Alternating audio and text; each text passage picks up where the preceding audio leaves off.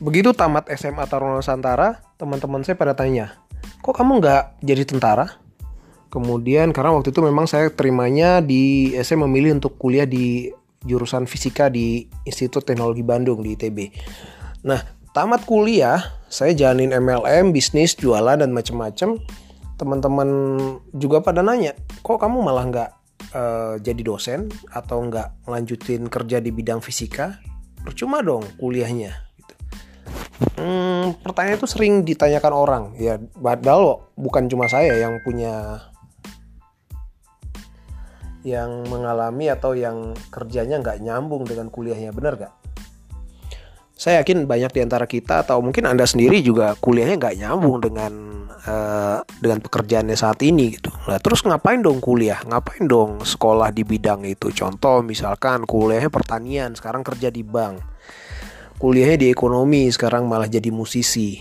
Uh, kuliahnya di bidang eh, kuliahnya matematika sekarang malah jadi jurnalis eh, dan lain-lain sebagainya gitu saya pikir eh, itu hal yang memang akhirnya banyak orang baru wajar aja sih orang berpikir terus ngapain? Apa hubungannya? Gitu. Tapi pada faktanya orang yang ngomong juga sering tidak uh, tidak nyambung antara kuliah dan pekerjaannya saat ini.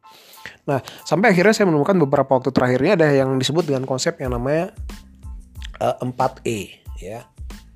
4E ini sebuah konsep yang menarik sih kalau kita coba pelajari karena ini bermanfaat untuk orang-orang yang belum meniti karir atau belum menentukan masa depannya. Namun ini juga bisa bermanfaat untuk orang-orang yang memang ngerasa ada yang salah nih dengan karirnya. Maksudnya ada yang salah gimana? Dia ngerasa nggak happy, nggak bahagia.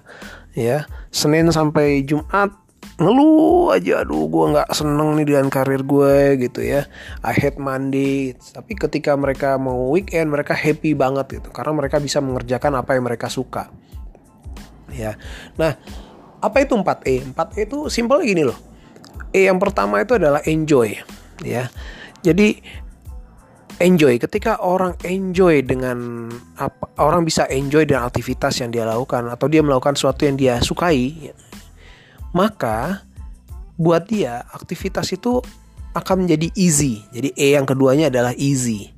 Jadi enjoy easy. Contoh, kalau Anda suka mekanik lah anda mungkin hobi banget tuh Sabtu Minggu ngotak-atik motor, ngotak-atik mobil gitu. Anda suka olahraga, main bola. Mungkin buat Anda juggling atau uh, ya istilah-istilah main bola yang lain lah, ngocek lawan atau apa pun itu mungkin buat Anda itu gampang gitu. Ya. Karena Anda enjoy maka itu easy buat Anda gitu.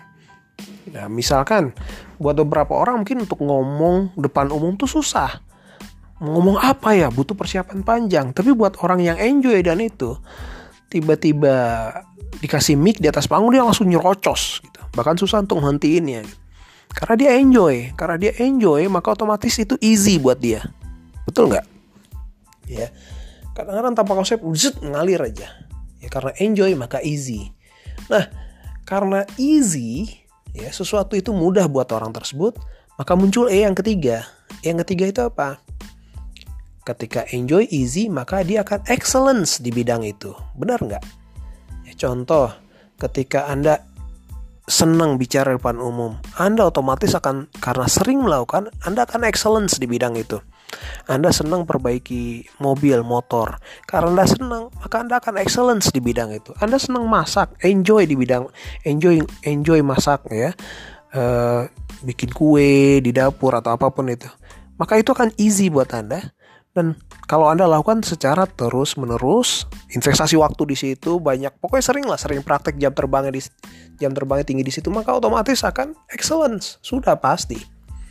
Nah, ketika seorang excellence di bidang tersebut, maka otomatis waktu yang akan membuktikan orang-orang tertarik dan orang tahu bahwa dia excellence di bidang itu, maka orang yang membutuhkan akan kontak dia Ya maksudnya gimana? Contoh, ih gue lagi butuh MC nih.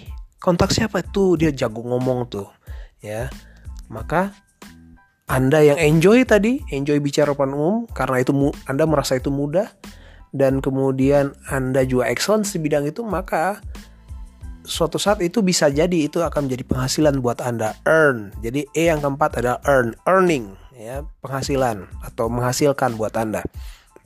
Yang suka masak, enjoy masak sehingga masak tuh easy buat dia. Sehingga akhirnya karena sering latihan jam terbangnya tinggi sehingga dia jadi excellence di bidang memasak sehingga suatu saat hasil masakannya bisa dijual. Dia sering posting hasil masakan dia. Kemudian mungkin suatu saat ada investor yang tertarik atau temennya eh kita bikin cafe bareng yuk bikin resto bareng yuk gitu. Ada orang yang suka bikin kopi suka minum kopi dia enjoy. Kemudian easy buat dia membedakan kopi yang dari tipe arabica tipe apa macam-macamnya itu saya nggak paham kemudian sehingga dia menjadi excellence di bidang tersebut dan akhirnya suatu saat itu bisa menghasilkan buat dia dia bisa jadi bisnis kopi atau dia bisa buka bisnis kopi atau kemudian dia jadi atau mungkin minimal dia jadi barista dan akhirnya itu akan menjadi suatu penghasilan. Nah, kalau kita flashback kembali, bukankah menarik ketika kita bisa punya penghasilan dari hal yang kita sukai? Makanya saya sangat suka dengan konsep 4E ini enjoy, easy, excellence, earn. Jadi ketika sesuatu itu kita enjoy, maka itu akan easy buat kita. Dan kalau kita lakukan terus-menerus maka kita akan jadi excellence ya di bidang itu sehingga kita suatu saat bisa earn atau menghasilkan atau dibayar untuk melakukan pekerjaan itu. Bukankah seru dibayar atau mendapatkan penghasilan untuk menjadi sebuah bisnis dari sesuatu yang kita suka? Seru nggak kira-kira? Nah, pertanyaannya, kalau teman-teman enjoynya di bidang apa? Bisa nggak kira-kira itu menjadi penghasilan di kemudian harinya? Atau jangan-jangan sudah? Yuk, eh, kasih komentar dong gitu. Kira-kira apakah sudah menemukan apa yang Anda enjoy dan uh, sudah menghasilkan belum sih? Oke, terima kasih.